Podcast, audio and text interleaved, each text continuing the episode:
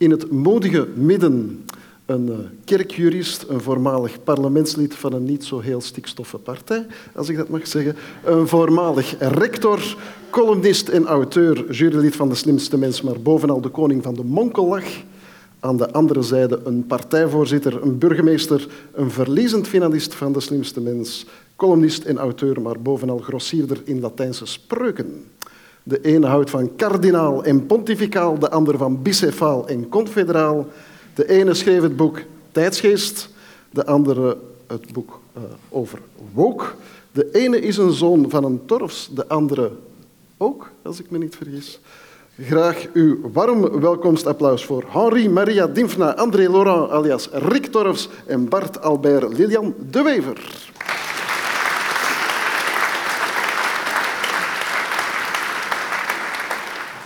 Meneer Torfs, u gebruikt de term amper in uw boek, maar de geest ervan waart wel door het boek woke. Uh, zo kunnen we woke het linkje leggen naar het boek van meneer De Wever vandaag. In uw analyse van de tijdsgeest um, stelt u de vermenging van recht en moraal aan de kaak door de grote en soms onaantastbare rol, zegt u, van gevoelens. Ik citeer even. We voelen ons bedreigd, beledigd, gediscrimineerd en schreeuwen dat uit.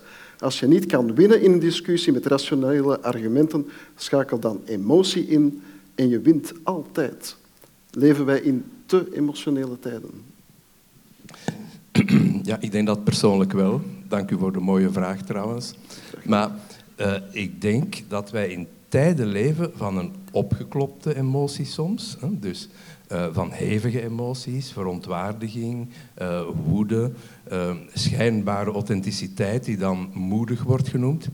En misschien is het zelfs zo dat we de echte gevoelens daardoor een beetje naar het achterplan verdrijven. De gevoelens zitten zo sterk vast in het publieke debat, er wordt zo mee geschermd en gegoocheld, um, dat mensen die wat discreter zijn, wat meer schuchter en zo, minder aan de bak komen. Um, waarom zouden trouwens hevige gevoelens authentieker zijn dan minder hevig geuite gevoelens? Dus ik vind zelfs onze tijd uh, met zijn instrumenteel gebruiken van gevoelens een bedreiging voor mensen die in stilte willen voelen en daar niet te veel fuss willen over maken. Dus in die zin pleit ik voor een tijd met gevoelens en zonder instrumenteel aangewende gevoeligheid die de leegte van het inhoudelijk debat probeert te maskeren. Oké, goed. Daar kan ik niet bovenop. Uh, meneer De Wever, leven wij in een uh, democratie? Uh, misschien geen historische, maar wel hysterische tijden? Ik heb het uh, boek van Rick nog maar, ben nog maar halverwege, want het was een uh, week vol stikstof uh, die me wat heeft verstikt. Dus ik heb het niet volledig kunnen voorbereiden, maar zijn eerste tussenkomst noopt me al een indruk te bevestigen die ik had. Uh, en dat is dat als ik een barokke schrijver ben, dan is hij een rococo-schrijver. Er zijn heel veel tirlantijnen, krullen en pirouettes uh, die een heel fijn betoog maken. Uh, laten we zeggen, mijn betoog is iets bombastischer. En als het gaat over gevoelens, democratie, de historicus is altijd degene die zegt van ja, het is... Het is er zijn nuances te plaatsen. Is dat, hoort dat bij de huidige tijd of is dat eeuwig? Ben ik geneigd om te zeggen dat is eeuwig. Uh, het stoïcisme hield zich al met die vraagstukken bezig. Hè. In hoeverre mogen wij ons door onze emoties laten drijven en welke technieken zijn er eigenlijk om te vermijden dat je uh, irrationeel beslissingen neemt waar je later dan spijt van krijgt. Hè. Marcus Aurelius had de gewoonte als keizer om eerst uh, het alfabet op te zeggen in zijn hoofd voordat hij een antwoord gaf aan iemand die hem iets kwam vertellen dat hem niet aanstond. Ik heb geprobeerd dat de afgelopen weken ook te doen. En met wisselend succes. U weet, eh, de beroemde psycholoog Jonathan Haidt, die vergelijkt de mens met de bestuurder van een olifant. De bestuurder is onze ratio en de olifant, dat is onze emotie. En ik denk dat dat een treffend beeld is. Want achteraf kun je zeggen, wie heeft nu eigenlijk wie bestuurd? Dus de olifant die doet min of meer wat hij wil. The heart wants what the heart wants. Die kiest de koers. De man die die olifant bestuurt is vaak eigenlijk zijn public relations officer. Die zegt, ja, maar ik, ik heb dat wel beslist. Hè. Ik heb erover nagedacht. We zijn hier uitgekomen omdat ik dat wilde.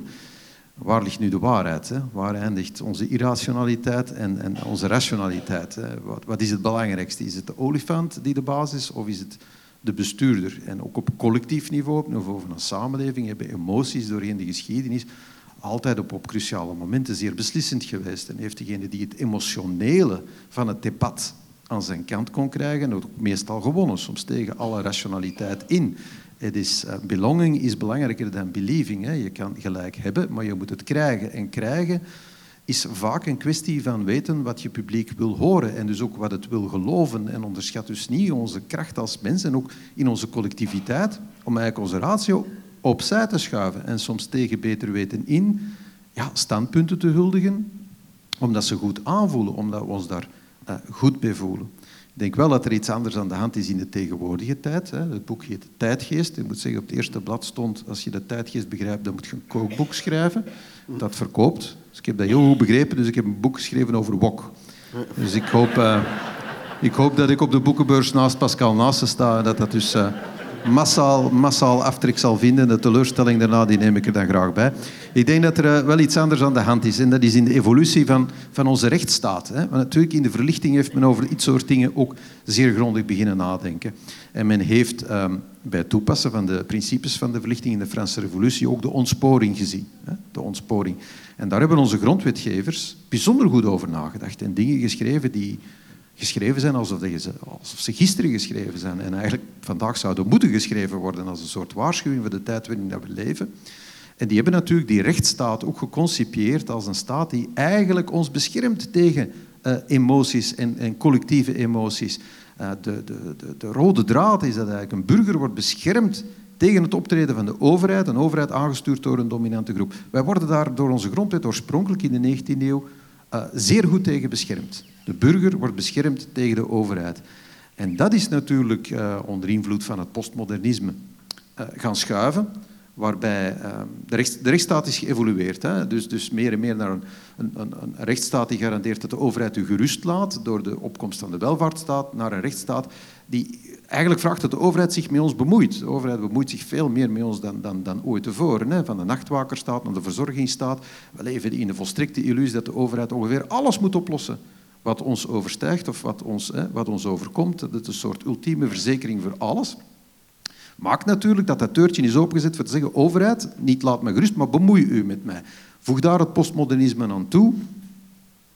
Uh, dan krijg je natuurlijk niet alleen een aansprakenstaat, maar ook een moraliserende staat. Hè.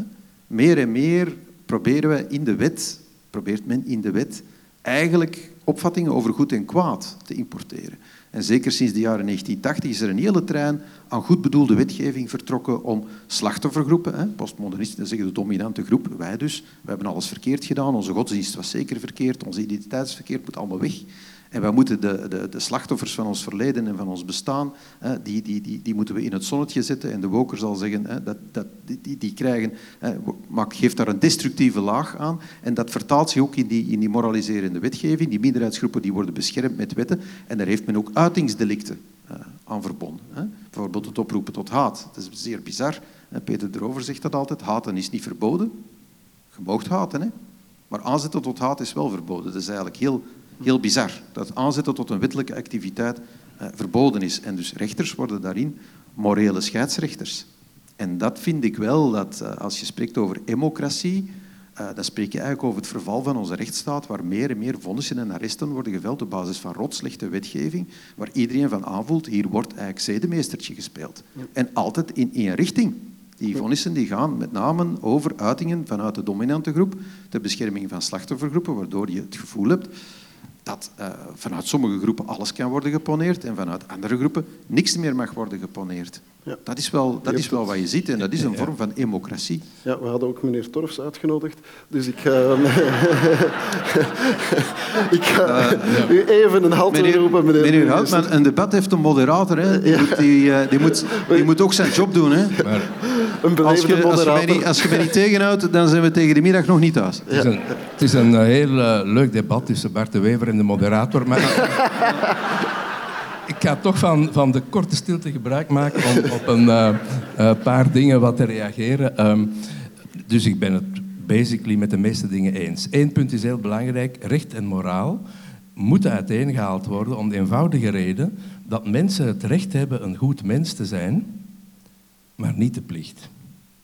We mogen allemaal een zekere slechtheid aan de dag leggen en in bepaalde bedrijven, zoals de universiteit of de politiek, is dat noodzakelijk om te overleven.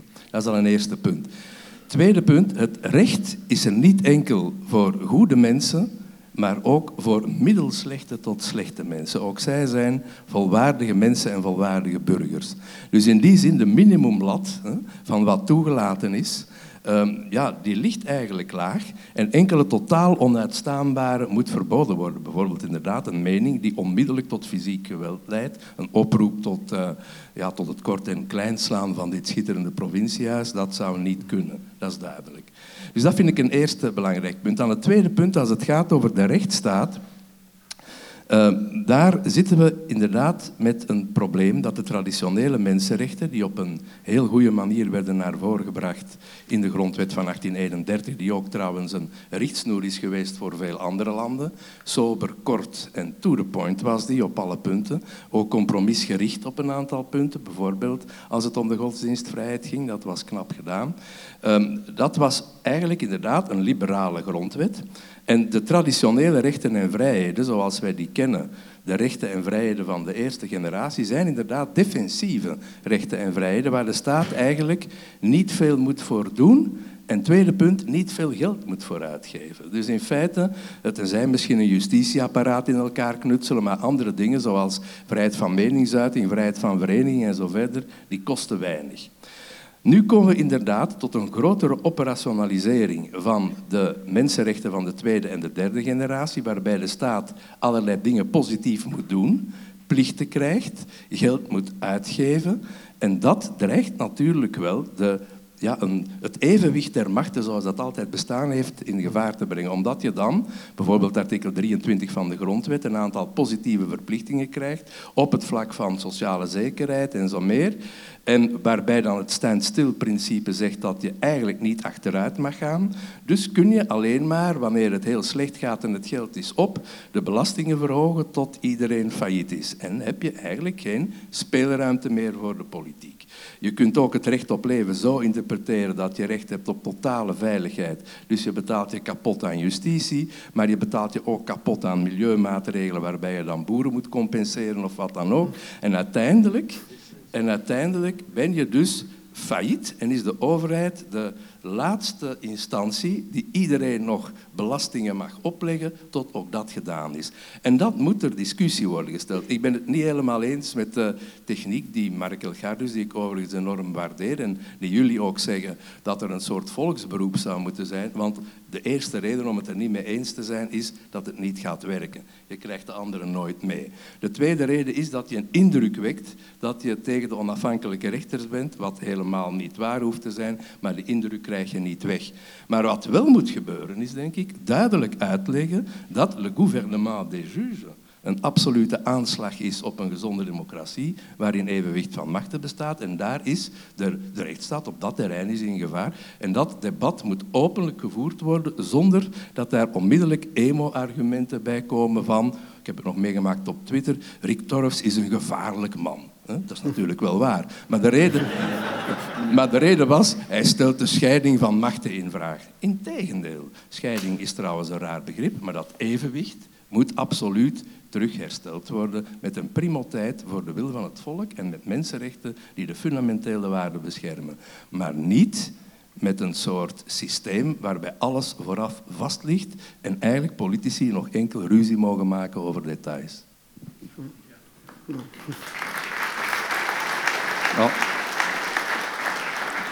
Dit uh, wordt niet het scherpste debat dat ooit, uh, ooit gevoerd is. Uh, ik kan alleen maar instemmend knikken.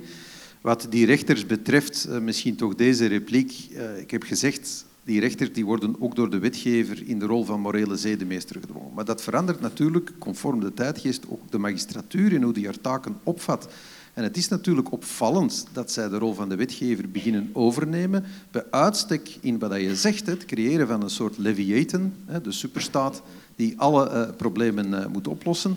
En waar je op het moment dat die dat niet kan, en dit kan dat uiteraard niet, want die is vermoeid, die is ouderwets, die is totaal overstretched, die, uh, die, die westerse welvaartsstaten, individuen naar de, burger, naar de rechter lopen om te zeggen, ja maar overheid, los het klimaatprobleem toch eens op. Hè. Ik ga daar een arrest voor zoeken, waar...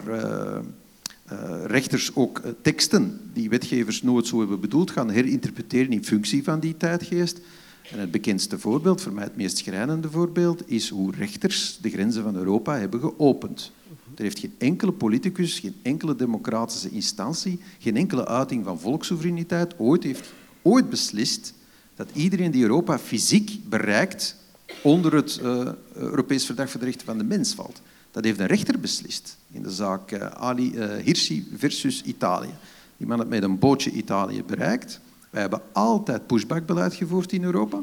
Plotseling zei een rechter, nee, die heeft fysiek Europa bereikt. Dus ik beslis dat zijn mensenrechten worden opgerokken tot Europese burgerrechten. Ik kan er geen andere verklaring. Je kunt het niet anders interpreteren. Plotseling heeft hij burgerrechten. Um, en die moeten uh, gerespecteerd worden. Ja, sindsdien verdrinken massaal mensen op zee en is er een industrie, miljardenindustrie ontstaan van mensenhandel die niets ontziend is, die maar één doel heeft, dat is mensen fysiek Europa doen bereiken. En dat je dan natuurlijk als partij zegt, ja maar als de rechterlijke macht de volkssoevereiniteit op die manier kan overroelen, buitenspel zetten en wij de maatschappelijke gevolgen, politici, moeten, moeten opsoppen van wat daar is beslist, hè, want je kan een rechte lijn trekken naar wat er in de Paleizenstraat gebeurt, ja, dan moet die volkssoevereiniteit eigenlijk op die aristocratie een tegenmacht uh, kunnen krijgen. Maar ik kan er inderdaad lang over discussiëren. De verdienste van het voorstel is vooral dat, uh, dat, de, discussie, dat de discussie wordt gevoerd. Wat betreft uh, geweld, hè? dus een mening. Uh, een mening moet vrij zijn. Het, het, denken mag zich niet laten knechten. Uh, laat dat duidelijk zijn. Oproepen tot geweld, dat is over de grens. Maar dan stel ik toch vast dat in deze tijd ook met twee maten en twee gewichten wordt gemeten. dus het postmodernisme heeft een dadergroep gedefinieerd, dat zijn wij allemaal, en heel veel slachtoffergroepen. Dus dat zijn de zeven vinkjes. Mhm. En hoe minder dat je er hebt, hoe meer dat je slachtoffers bent. Als je vandaag oproept tot geweld in functie van, ik zeg maar iets, het confederalisme. Stel dat ik zou zeggen, met vreedzame middelen gaan we er niet geraken. Daar is iets voor te zeggen trouwens. Dat we met vreedzame middelen niet gaan geraken. Ik zou zelfs durven zeggen, misschien moeten we extra legale methodes durven gebruiken. Dan is het spreekwoordelijk kot al te klein. Dan schreeuwt men zijn verontwaardiging op alle opiniepagina's uit. Als ik een stapje, want extra legaal ligt perfect in de lijn van, van de Belgische geschiedenis. Als ik een stapje verder zou gaan, ik zou zeggen, ik, ik denk toch dat we barricades op de taalgrens zullen moeten zetten en dat we daar misschien gewapende mensen moeten posteren. Dan denk ik dat ik toch met een paar overheidsinstanties een indringend gesprek uh, zal voeren en dat misschien men toch zal trachten mij door te verwijzen naar een rechtbank wegens oproepen tot geweld.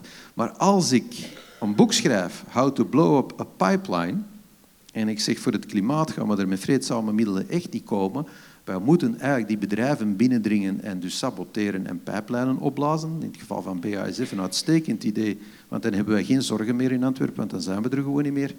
Uh, u woont in Heist op den Berg, u zal toch ook uw wenkbrauwen voelen verschroeien als men de juiste, de juiste pijplijn weet op te blazen bij BASF. Wat gebeurt er dan?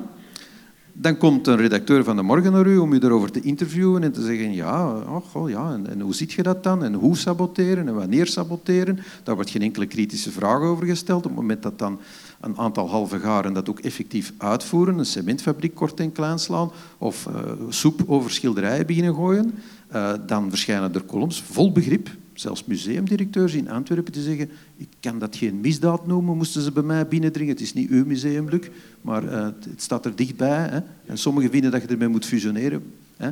Hè? Waar dan de directeur proactief zegt, proactief zegt ja, moest dat hier gebeuren, ik zou er alle begrip voor hebben. Dan denk ik, ja, je kunt misschien ineens de deur openzetten. Hè, als je kunst hebt. Nu, de kunst in dat museum, als je er soep over smijt, niemand zou dat waarschijnlijk... Uh, De vraag is of dat iemand zou het verschil zien of, of, of niet zou denken het is intentioneel. Maar dan verschijnen er columns waarbij staat... Ik denk dat de titel in de standaard was... Soms is uh, geweld ook gewoon kunst. Dan denk ik, ja, maar hoe ver zijn we dan eigenlijk van het, van het padje af? Hè? Nu, ik vind wel... Um, ik ben zelf voor een heel grote vrijheid. En ik zou die tussenkomst wegens waarachtig geweld uh, tot het einde uitstellen. Ik vind dat veel moet kunnen. Ik vind dat uh, museumdirecteurs um, af en toe onzin mogen verkondigen. Dat hoort bij hun taakomschrijving. Ik vind zelfs dat mensen, ja. dat mensen de vrijheid moeten blijven behouden. Ik wil erg ver gaan om de standaard te lezen. Het mag wat dat betreft het mag maar twee Moet je ook niet overdrijven, Erik. ja, ik laat mij meeslepen, sorry. Ja. Uh, maar eigenlijk is het zo dat je op bepaalde momenten, denk ik, juist moet zeggen... Kijk, u eist die vrijheid op en u neemt die. En waarom niet? Maar anderen mogen die ook opnemen. Dus ik zou heel de discussie eigenlijk blijven zien in een, in een poging om de vrije meningsuiting terug helemaal ruim te nemen. Iets wat mijzelf enorm geschokt heeft. En ik heb dat ook in mijn boek even uh, beschreven in de tweede helft die je nog niet gelezen hebt en, waar, en waarschijnlijk nooit zult lezen. Maar, uh, vanavond, vanavond, is dat uit. maar da, daar zit ook uh, de gedachte in, toen ik een jong kerkjurist was, stond er in het kerkelijk wetboek, nu nog, dat de vrijheid van meningsuiting alleen mocht wanneer die goed was voor het algemeen nut. En ik zei toen bij mezelf, en ik schreef dat ook, dat ik dat verschrikkelijk vond. Want dat is een instrumenteel gebruik van de vrijheid van meningsuiting die voor een hoger doel moet wijken en er is geen hoger doel. Op hetzelfde moment, in de jaren 70, 76, had je het arrest Handicide van het Europees Hof voor de Rechten van de Mens en daar werd gezegd meningen mogen hurting, shocking en disturbing zijn. Want alleen zo gaat de samenleving vooruit. Het is goed voor het algemeen nut wanneer die meningen mogelijk zijn. Dus precies het tegendeel van de kerk. En ik hoopte toen, in de early 90s, dat de staat het voorbeeld zou zijn voor de kerk. Maar eigenaardig genoeg, zonder het te weten, is de kerk het voorbeeld geworden voor de staat. En dat mogen we gewoon niet aanvaarden. Cool, Zou u... Mag je dat... Nog even op inpikken, want het gaat over, over zijn slechtheid. En ik wil die ook uh, echt verdedigen, uw recht op slechtheid. Uh, Voltaire heeft dat als eerste treffend verwoord. Hè. Je mag mensen beledigen. Beledigd worden is de prijs voor de vrijheid. Ik vond dat een heel pakkende getuigenis van Abu Talib op onze denkdag, waarbij hij zei, als moslim, als jonge moslim ben ik naar Europa gekomen. En dat heeft mij decennia gekost om dat te doorgronden.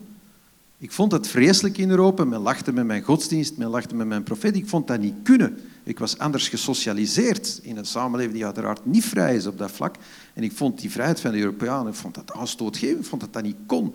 En hij zegt, Voltaire is mijn gids geweest om te begrijpen dat net die vrijheid zijn ultieme garantie was als moslim in Europa om zijn geloof te kunnen beleiden, omdat hij ook die vrijheid kon genieten. En hij eindigde, en dat vond ik heel pakkend, dus ja, beste mensen van NVA, u hebt het volste, volste recht om mij te beledigen.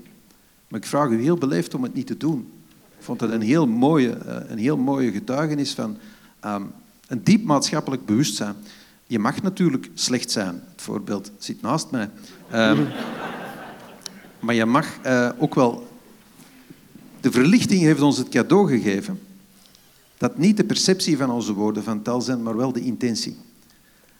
En het postmodernisme, wokisme brengt ons inderdaad terug naar premoderne tijden. En dat is wat ze niet beseffen. Op dat vlak zijn ze inderdaad een godsdienst. Zij beslissen wat goed en kwaad is.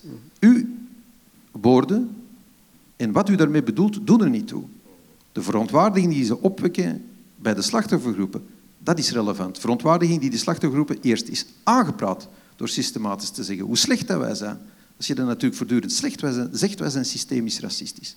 Als je in het editor van Knak schrijft, ja, de Vlaming is in zijn DNA racistisch, dus vanaf dat u zich Vlaming voelt, bent u racist, ontsnapt er niet meer aan, zit dan zelfs in uw genen, ja, dan moet je ook niet schrikken en natuurlijk slachtoffergroepen als zodanig gaan percipiëren.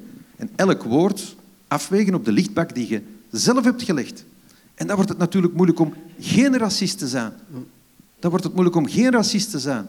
Want elk woord dat je uitspreekt, elke gelaatsuitdrukking, elke microagressie kan opgevat worden als fout. En vanaf dat er verontwaardiging bestaat, is die automatisch terecht. Want de verontwaardiging van een slachtoffergroep is heilig. En dus jij wordt fout. Ja, dat leidt tot een samenleving waarin niemand nog spreekt. En waar iemand nog durft spreken, want niemand wil in het vizier komen van die ayatollahs.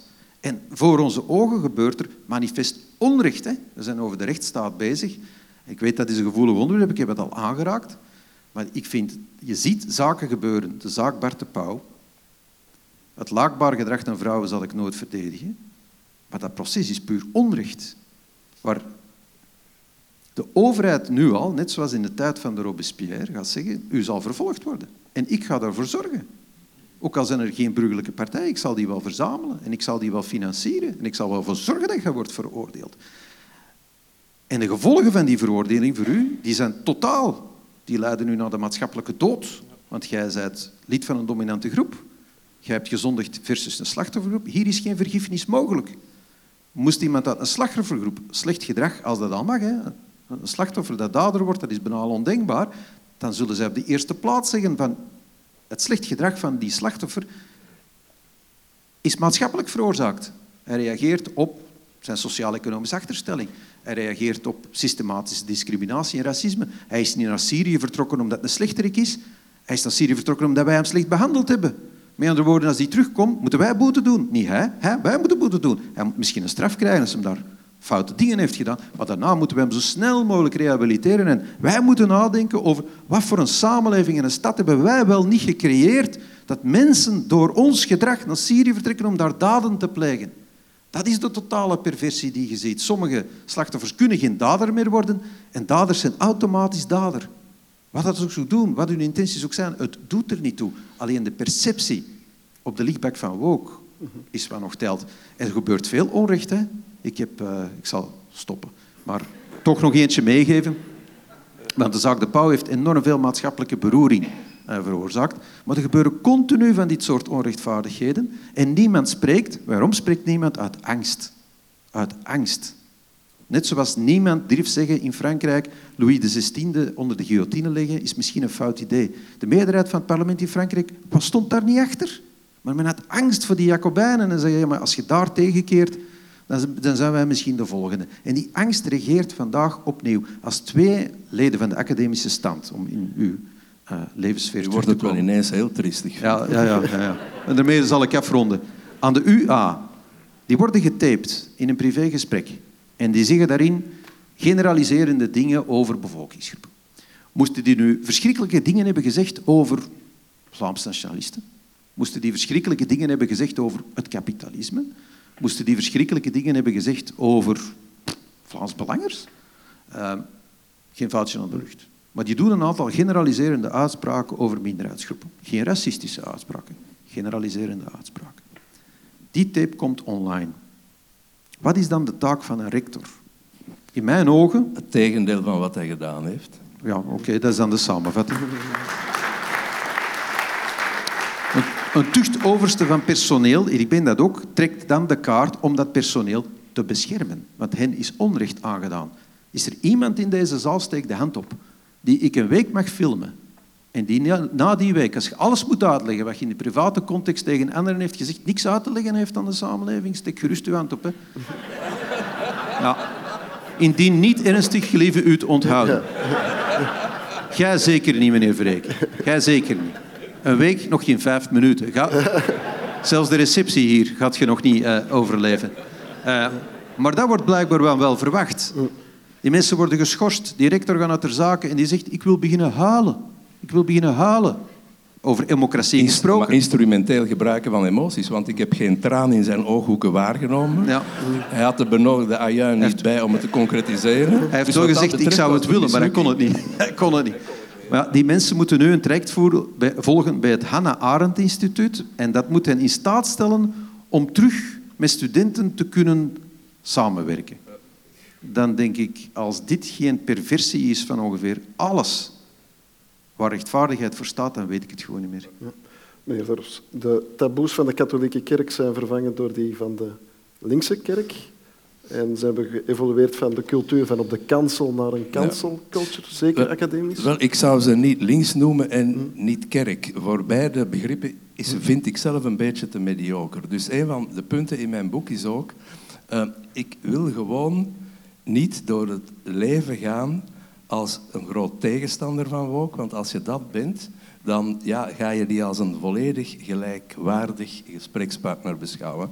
En ik vind dat niet. Ik vind dat eigenlijk de ideeën bijna op niks uh, steunen. Je kunt daar een aantal doorgeschoten ideeën over mensenrechten hebben en van het gelijkheidsbeginsel, waar het niet meer gaat over gelijkheid uh, voor de wet, maar gelijkheid in en door de wet, waardoor je mensen op een gruwelijke manier ongelijk moet behandelen. En dat kan alleen door het gebruiken van geweld, fysiek geweld of juridisch geweld. Daar ben ik geen voorstander van. Wat ik eigenlijk vind, het is juist wat u zegt, in het algemeen is dat helemaal juist. Hè? Dus er is een soort dictatuur van bepaalde ideeën die op een zachte en sluipende manier in heel wat uh, discoursen binnendringt. Uh, ik denk dat we eigenlijk dat gewoon een halt moeten toeroepen door onze eigen manier van leven sterker naar voren te schuiven. En zij moeten dan maar zeggen dat het verkeerd is. Dus mijn boek was in zekere zin een poging, ik weet dat je het ook anders kunt zien, maar mijn boek was ook een poging om, om te zeggen, uh, eigenlijk moeten wij ons niet schamen voor ideeën die wij naar voren brengen. Wij moeten ons niet schamen voor een continue strijd voor de democratische rechtsstaat en voor mensenrechten. En mijn boek is voor een stuk ook bedoeld als een zelfhulpboek. Waarom? Omdat ik denk dat als je het zo omschrijft, dat het dan beter verkoopt. Maar ook omdat ik ervan overtuigd ben dat we ik zie dit bijna als een boek waar het ook gaat om bijna preventie op geestelijk vlak. Wat mij altijd verwondert, we hebben heel veel preventie op lichamelijk vlak. Hè. Zo heb je mensen die ja, vroeger lichte gewichtsproblemen hadden die er vandaag uitzien als een topatleet. Ik geef maar één voorbeeld. Maar je hebt ook andere dingen. Mensen die gezond beginnen te eten, allerlei granen en sappen, nauwelijks voor menselijke consumptie vatbaar, maar ze gaan er toch keihard in door. Dus uh, mensen proberen op alle terreinen, ik, wil, ik wil niemand beledigen, zelfs heb ik nog een proces aan mijn been. ik, vraag, ik, vraag, u om het niet te doen, maar je doet het wel. Ja, ja, voilà. Ja, ik, ik begrijp het, die sneeuwvlokjes tegenwoordig. Maar uiteindelijk is, is een van de lastige punten in het geheel dat je geen preventie hebt op geestelijk vlak. En ik vind dat een ongelooflijk interessant punt in onze samenleving. Uh, wij zitten direct op wachtlijsten bij psychologen en zo verder. Maar zoals je ook lichamelijk gezond kunt leven, kun je ook geestelijk gezond leven. En dan denk ik, wij moeten ook duidelijker zeggen wat onze ideeën zijn. En de andere ideeën die nu bij een culturele meerderheid, maar een maatschappelijke minderheid hè, aanslaan en de toon zetten in onze samenleving, moeten we eigenlijk terugplaatsen waar ze horen. Namelijk in de marge als een toegelaten meningsuiting van mensen die eigenlijk ja, minoritair zijn in hun niet eens zo scherpzinnig denken. Maar ik weet wel dat het niet gemakkelijk is en dat er soms... Maar Gardus is ook voor een meer militante aanpak dan ik bijvoorbeeld. Dat is zeker zo. Ik, ben, ik ben, veel minder, ja, nee, ik ben veel minder optimistisch. Uh, dat is ook geen verrassing natuurlijk. Hè. Dat was al bij de inleiding gegeven. Um, kleine minderheid, klopt, klopt, klopt. Ze zijn mij weinig. Um, ik ben geen marxist. Ik denk dat ideeën de geschiedenis bepalen en minderheden bepalen dus de gang van de menselijke geschiedenis, die zeer gedecideerd zijn als zij dominant kunnen worden in de intellectuele cultuur dat is nu net wat aan het gebeuren is. Hè. Dus ik zie ook niet als een soort rage uit Amerika die wel zal overwaaien. Het is ook geen verlengstuk van emancipatiebewegingen van, bewegingen van het verleden. Het is, het is, zelfs fundamenteel tegengesteld daaraan. Het leidt niet tot synthese en constructie, het leidt tot destructie. Het is een vernietigingsbeweging, het is een wraakbeweging. Het leidt tot maatschappelijke ontwrichting. En de manier waarop zij in Amerika de aulas hebben veroverd, eh, de, de, de, de redacties van bijvoorbeeld de New York Times hebben veroverd, eh, waarin belangrijke cultuurdragers uh, een pensée uniek hebben, oftewel zwijgen, ja, dat zie ik in Vlaanderen dus ook. Hè. Dit is de heersende manier van denken. Niet dat je echt kunt zeggen, één op één, dat is een woker, maar dit is de heersende, de denktrend op de redactie van de Standaard van morgen. De knak, dit is wat meneer Lanois en als een consorten zeggen, en als er andere cultuurdragers zijn, er zijn er andere, ja, die zwijgen, hè. Die, durven, die durven niet meer spreken. Hè. We zijn al op dat punt. Hè. En dit schuift ook volle bak onze aula's binnen, zeker in de menswetenschappen. Gebeuren er nu al dingen waarvan je zegt, dat wordt, dat wordt pure ideologie aan onze universiteiten uh, bedreven. Dat is geen wetenschap. Al die verhalen over genderstudies, intersectionaliteit, dat is allemaal onzin. Hè. We zijn mensen jaren aan het laten studeren over, over onzin. En die, die mensen komen later voor klassen staan in ons onderwijs, waar ze die onzin dan ook nog eens nalaten op de volgende generatie. Dus ik ben daar zo optimistisch niet over dat je gewoon op je strepen moet staan uh, in deze samenleving dat we er wel gaan komen. Men ontzegt ons het recht op metafysica, onderschat dat niet. Hè. Zij hebben een cultuur geschapen waar iedereen die een verband wil scheppen, dat groter is dan onszelf, dan onze individualiteit. Iedereen die zegt, ik ben niet de maat van alles, maar ik moet eigenlijk rekening houden met anderen, zoals dat mij door generaties voor mij eigenlijk automatisch... Ik ben daarin grootgebracht. Ik wens dat traject, dat verhaal van Vlaanderen, verder te zetten. Hè. In ons deel van de westerse beschaving word je genadeloos onderuit gehaald. Hè. Het christendom is onderuit gehaald. En nu is men bezig om onze identiteit onderuit te halen, te criminaliseren. Vlaams wordt alleen nog geassocieerd met wat slecht is, retrograd is. Het wordt met SCH geschreven. Vlaanderen mag alleen nog bestaan in een soort woestijnvis Vlaanderen, zo'n badinerend heimatgevoel, waar je vooral met jezelf lacht. Dat kan nog niet. Alles daarboven wordt u ontzegd en wordt in toenemende mate gecriminaliseerd. En zeggen van, bon, we moeten gewoon op je streep staan en die, en, die minderheid uh, terechtwijzen, dan komen we er wel. Ik geloof daarin om de volgende reden, en daarmee rond ik af die zijn heel veel mensen boos aan het maken. Ongelooflijk boos aan het maken. Niet iedereen is Rick Torfs en heeft dus een intellectueel vermogen om dingen hè, op 2000 jaar tijdsgeest uh, te plaatsen en, en daarmee om te gaan. Veel mensen worden geraakt tot in hun ziel. Die culturele onteigening, die trouwens ook sociaal-economisch doorwerkt, geeft heel veel Europeanen het gevoel dat de elite hen verraden heeft. En zoals Machiavelli al briljant beschreef, niet in de Il Principe, maar in de Discorsi, er is altijd een spanning tussen elite en volk, maar er moet een goede articulatie zijn tussen die twee. Op het moment dat uw elite volledig losgezongen is van het volk, wordt het heel gevaarlijk. En daar gaan wij recht op af.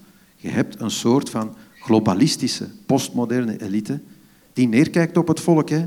Zij misprijzen die. Het volk is fout in al zijn aspiraties, in al zijn emoties, in al zijn gevoelens van samenhang is dat fout. Alle vooruitwendigingen daarvan kunnen worden gecriminaliseerd. Of dat nu gaat over, over Zwarte Piet of wat dan ook, krijgen wij continu de boodschap, u bent verkeerd. En uw ouders waren dat ook, en uw voorouders waren dat ook. Het was allemaal fout. 3000 jaar zult je nog sorry zeggen, zegt meneer Infantino. En dan mogen we misschien spreken. Wij gaan allemaal op de knieën zitten op onze sportvelden en dat is zogezegd moedig, dat is gewoon laf. Buiten Europa volstaat één gele kaart en we druipen af met onze staart tussen ons benen, want de rest van de wereld heeft begrepen dat wij een piñata zijn, waar dat iedereen op mag kloppen. Dat is wat men heeft gecreëerd. En die mensen hè, die beginnen in Amerika voor Trump te stemmen. Als je die de kans geeft in het Verenigd Koninkrijk, stemmen die voor de brexit. En als die hier gaan stemmen de volgende keer, kunnen we er ook niet gerust in zijn in wat de uitslag gaat zijn. En als dat het wordt, de woede van het volk en het, versus het misprijzen van het elite, dan heeft ons land geen toekomst meer. Klonk dat nu pessimistisch? Ja, zeker.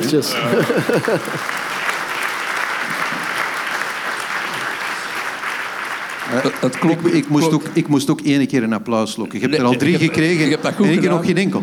En, en, het klonk een beetje in christelijke traditie als een litanie. Het was een heel mooie lijst.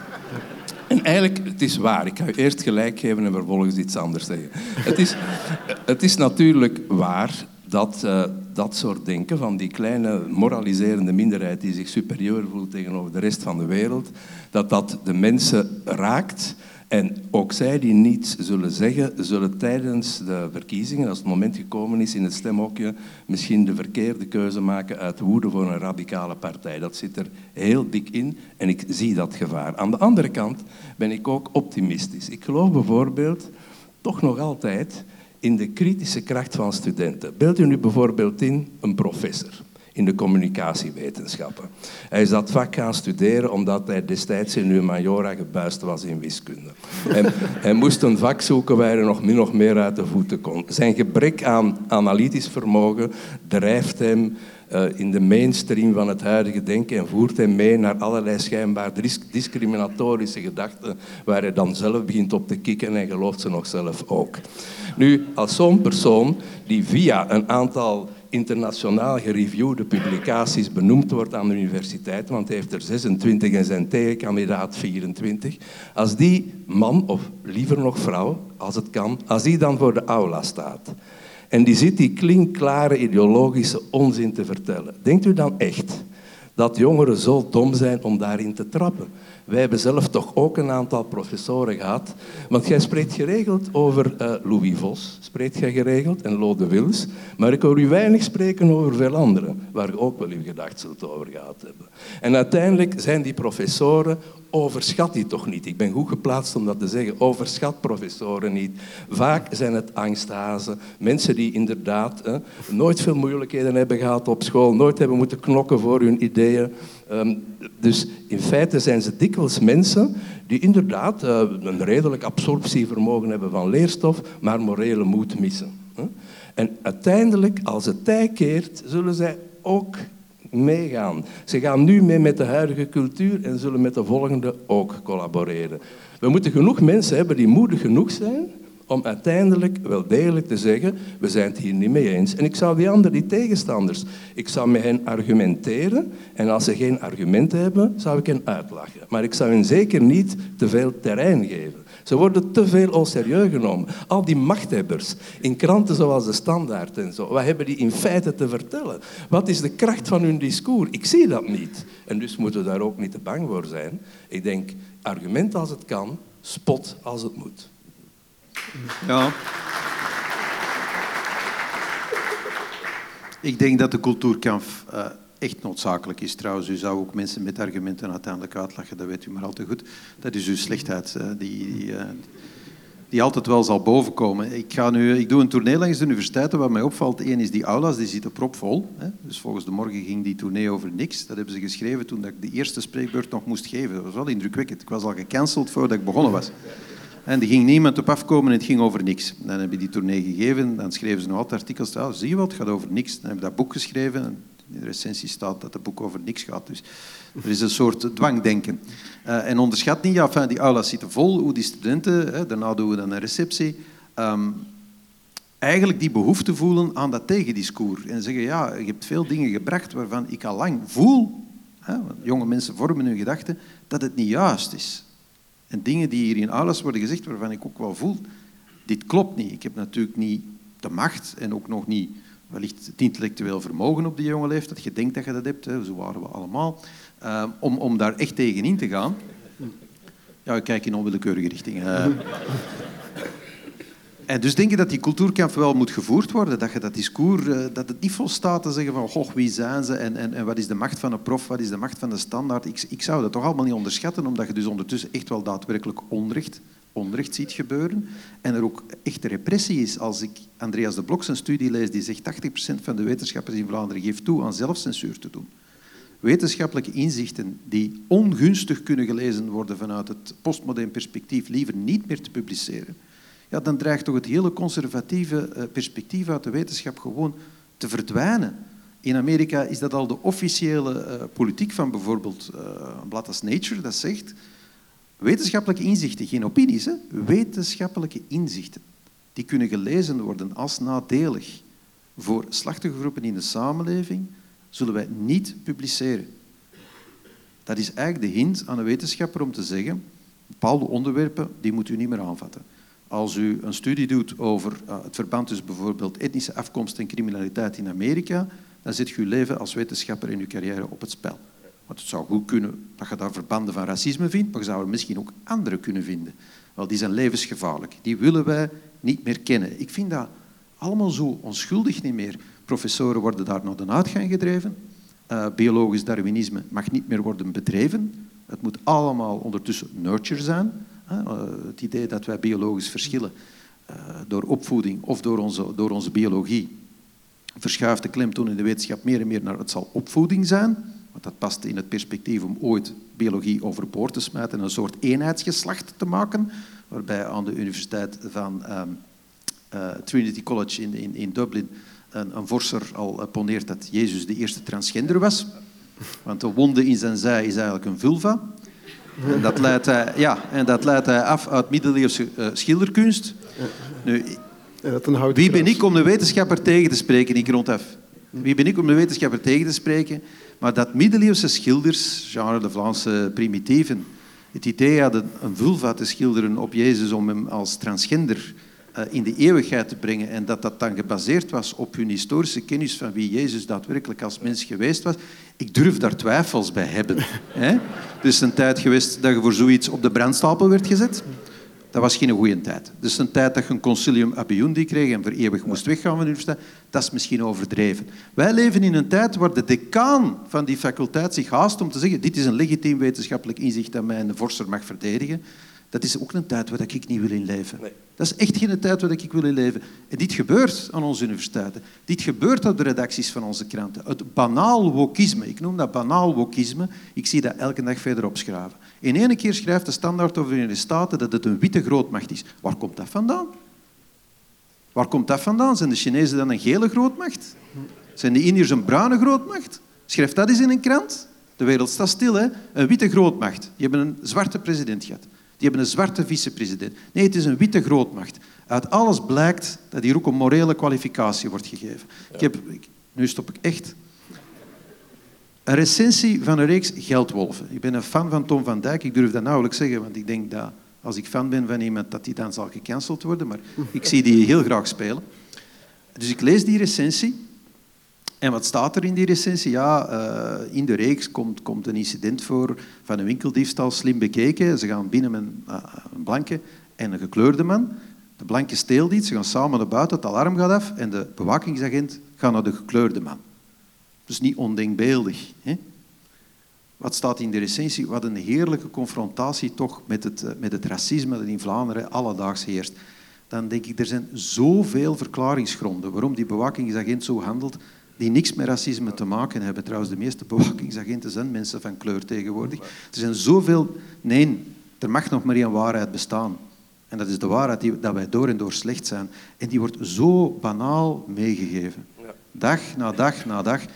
Dat, sorry professor, ik deel uw optimisme niet dat gewoon met op uw strepen te staan en uw vierkante meter te verdedigen, dat we er wel gaan komen. Maar het gaat niet over vierkante meters. Ik zie het ook eh, over het maatschappelijk debat in, in bredere zin. Dus in uw analyse, die ik deel, hè, dat is allemaal... Dat, enfin, het was een mooi overzicht van klinkklare onzin dat door allerlei mensen wordt verteld. Laat daar geen twijfel over bestaan. Maar ik ben niet zo overtuigd van de kracht van die instituten. Ik vind dat bij u wel sterker. Hè? Bijvoorbeeld bepaalde kranten en bepaalde universiteiten. Voor de kranten zie ik eh, twee mogelijkheden. Hè. Ofwel kunnen die proberen van binnen te veranderen. Nu, bij kranten zoals de Standaard en zo is dat onmogelijk, omdat gelijkgezinden gelijkgezinden coopteren. En die situatie is hopeloos voor een paar decennia of tot het faillissement van de krant. Maar je kunt ook zien, wat is de verbreding van het maatschappelijk debat? Dat kan ook breder zijn. De kranten verliezen voor een groot stuk hun monopolie. Er zijn andere initiatieven. De sociale media spelen een rol. eh, online mechanismen en zo verder. Er kan meer dan vroeger. Ik vind hetzelfde met de universiteiten. Overschat die toch niet. Ik denk dat op het vlak van bijvoorbeeld pure technologie en geneeskunde en zo is er een grote vooruitgang. Maar op het gebied van humane wetenschappen zijn de universiteiten zeker niet de, moet ik het zeggen, de motoren van de samenleving. Ik heb nog nooit iemand gekend die zegt, na bijvoorbeeld een studie over armoede, door een objectieve wetenschapper, ja, nu moet ik, eh, wetenschapper, nu moeten we voor een linkse partij stemmen, want het is wetenschappelijk bewezen dat dat juist is. Niemand gelooft die mensen. Die maken rapporten, soms door politici gevraagd om hun mening bevestigd te zien, en ze zullen dat altijd doen. Ze zullen u nooit ontgoochelen als je een rapport vraagt. Dus het zijn lakeien van het establishment, geen dragende krachten van een of ander systeem. Overschat die mensen niet en probeer met nieuwe ideeën naar buiten te komen op een wijze die de mensen wel raken. En dat mag uw boek over woke zijn, dat mag van El Gardus, van anderen zijn. Eh, laten we vooral onze eigen ideeën naar voren brengen en ons niet ontpoppen tot tegenstanders van mensen die het niveau niet halen om een waardig tegenstander te zijn. Dat is eigenlijk mijn stelling. Tegelijk blijven we ze natuurlijk bestrijden. Maar niet rechtstreeks, zoveel eer gun ik niet altijd. Eén zin, ik blijf worstelen met dat onrecht. Ik ben gaan spreken in Gent en op de receptie daarna komt een man naar mij en die zegt ja, ik ben stafmedewerker aan de Universiteit X. Ik zal ze niet met naam noemen, want ik wil de man ook niet in problemen brengen. En ik vraag spontaan, ja, maar daar ben ik twee weken geleden gaan spreken. Dat had daar toch kunnen komen luisteren. En zijn antwoord was, dat durf ik niet. Dat durf ik niet. Dus onderschat dat toch niet. Eh, Ze hebben, misschien, ze hebben misschien niet de grote macht om, om, Nee. om, om de samenleving ideologisch aan te sturen. Ze hebben wel de macht om heel veel mensen heel boos te maken. En vanuit irrationaliteit, de olifant slaat op hol, hè. Maar, maar de bestuurder is het kwijt. Dus ze, ze, ze zorgen voor een democratische verlamming. Amerika leeft ondertussen in een staat van burgeroorlog. Een van mijn goede vrienden in Amerika is een Reagan Republican. Die man is wanhopig. Hè. Die zegt, mijn partij is gehijacked door lunatics. Het- Die Trump, dat krijgen wij niet meer buiten. Dat is de... En aan de andere kant, de democraten die schuiven naar woke. Ik weet niet meer wat er met mijn land gebeurd is.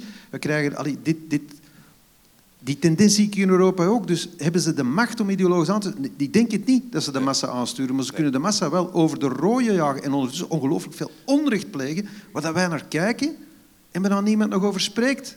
U zal dat durven.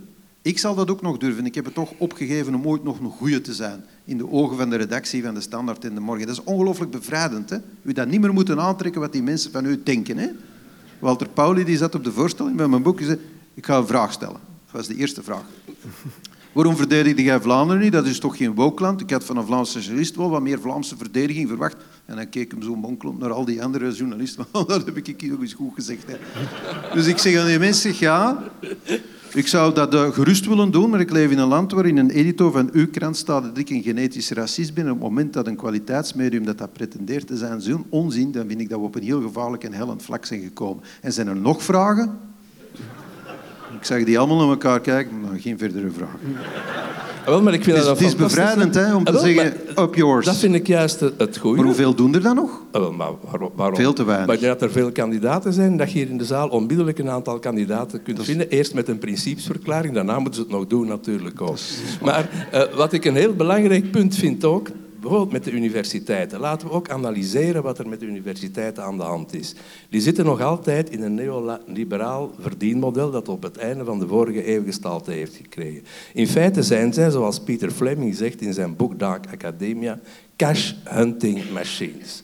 Ze willen zoveel mogelijk geld verdienen. Desnoods door hun programma's volledig te verengelsen, op gelijk welke manier. Maar ze willen dat ook doen op een andere manier. En dat is dan bijvoorbeeld door mee te, scoren en mee te delen in de grote pot van de financiering met allerlei onderzoeksprojecten. Bijvoorbeeld een succesvol project zou kunnen zijn de rol van het eh, kolonialisme eh, bij het gebruik van maandverbanden in Burundi. Dat lijkt mij een goed project. Maar je kunt een hele reeks projecten zo krijgen.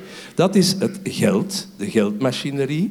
Het onderwijs gaat men ook nog wel proberen te verzorgen, omdat men anders geen geld meer gaat krijgen van de Vlaamse gemeenschap. Maar dat komt op de tweede plaats. En daarnaast, naast die commerciële bezigheden, heb je de deugdzaamheid. En bijvoorbeeld rectoren van universiteiten, bestuurders, zullen ervoor zorgen dat er een cel diversiteit is en een cel van nog iets anders. En zullen uiteindelijk proberen de deugdzaamste mensen ter wereld te zijn. Maar dat is natuurlijk een retoriek om een realiteit die erachter schuilt te verbergen. Universiteiten zijn geen plekken meer waar aan holistisch denken wordt gedaan, die mensen klaarstomen voor een plaats in de wereld, maar het zijn cash hunting machines op deelgebieden en naarmate de deelgebieden kleiner worden, zijn ze succesvoller in. En dan heb je een paar woordvoerders die zeggen wij zijn goede mensen. Maar we kunnen dat toch doorprikken. Heren, Zo goed. optimistisch vind ik u nu toch niet meer. op deze moment, eh, eerlijk gezegd. Voor ik hier in eh, collectieve depressie eh, sukkel, ehm, eh, als Woke wakker is, stel ik voor dat we om af te sluiten even gaan dromen. Wat droomt u dan wel voor uw kinderen en kleinkinderen in deze tijdsgeest, die u allebei een beetje somber stemt? Waar droomt u dan wel van? Ik persoonlijk, Ja. ik vind dat wij eigenlijk gewoon de rug moeten rechten en zeggen, kijk, eh, wij zijn absoluut niet beschaamd eh, voor ons verleden. En wij durven het verhaal van Vlaanderen nog vertellen. Het maakt ons tot wie we zijn. En dat doen wij in het besef dat wij niet alleen voor onszelf geboren zijn, maar een deel van ons behoort tot ons weefsel, dat Vlaams is, tot onze natie, tot ons land, dat Vlaanderen is, tot onze democratie.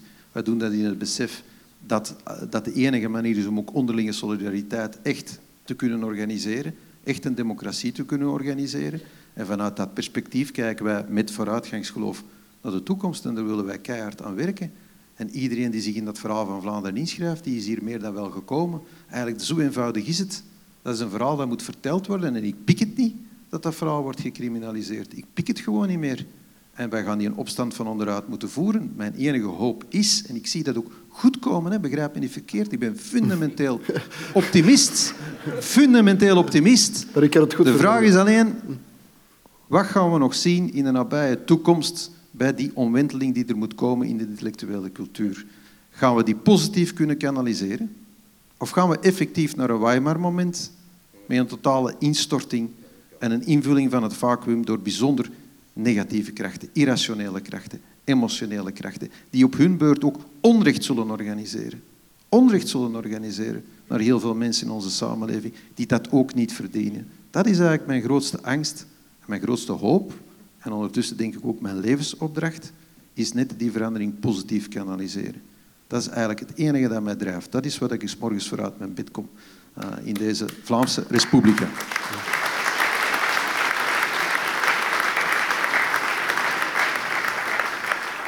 Ja, ik ben misschien anders dan Bart, niet meteen een Vlaams nationalist, maar een Kempens nationalist, waar ik erg fier op ben.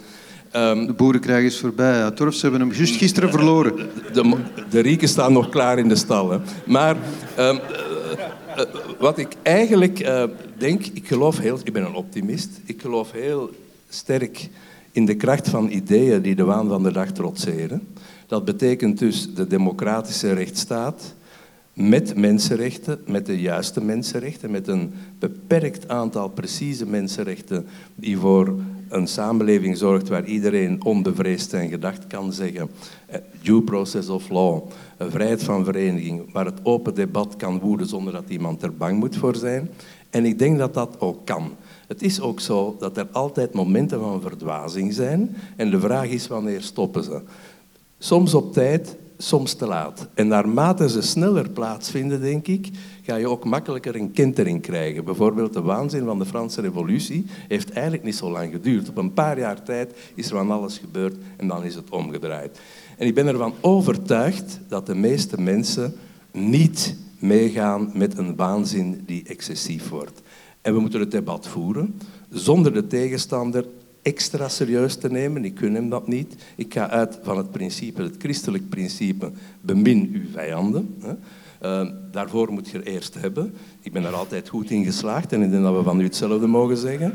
Maar daarna moeten we echt zeggen, we beminnen die, maar ze blijven wel vijanden. We bestrijden hen wel. En dat zou het verschil kunnen zijn met hen. Want op het moment dat zij zeggen, jullie zijn allemaal ontspoord en fouten gemaakt en 3000 jaar verkeerd geweest, wel, zij zijn zo lang nog niet verkeerd om te beginnen. Maar laten we hen niet behandelen, niet zoals wij hen, maar met redelijke argumenten met emotie die erbij komt, maar de ratio niet vervangt. En ik denk ook met uh, optimisme dat we niet op het verkeerde pad zijn. Wij zouden de rustigste moeten zijn, de minst geëxciteerde mensen die geloven in eeuwenlang traditie, beschaving, met veel fouten, maar met uiteindelijk ook een zekere stabiliteit waar we toch trots mogen op zijn. Goed.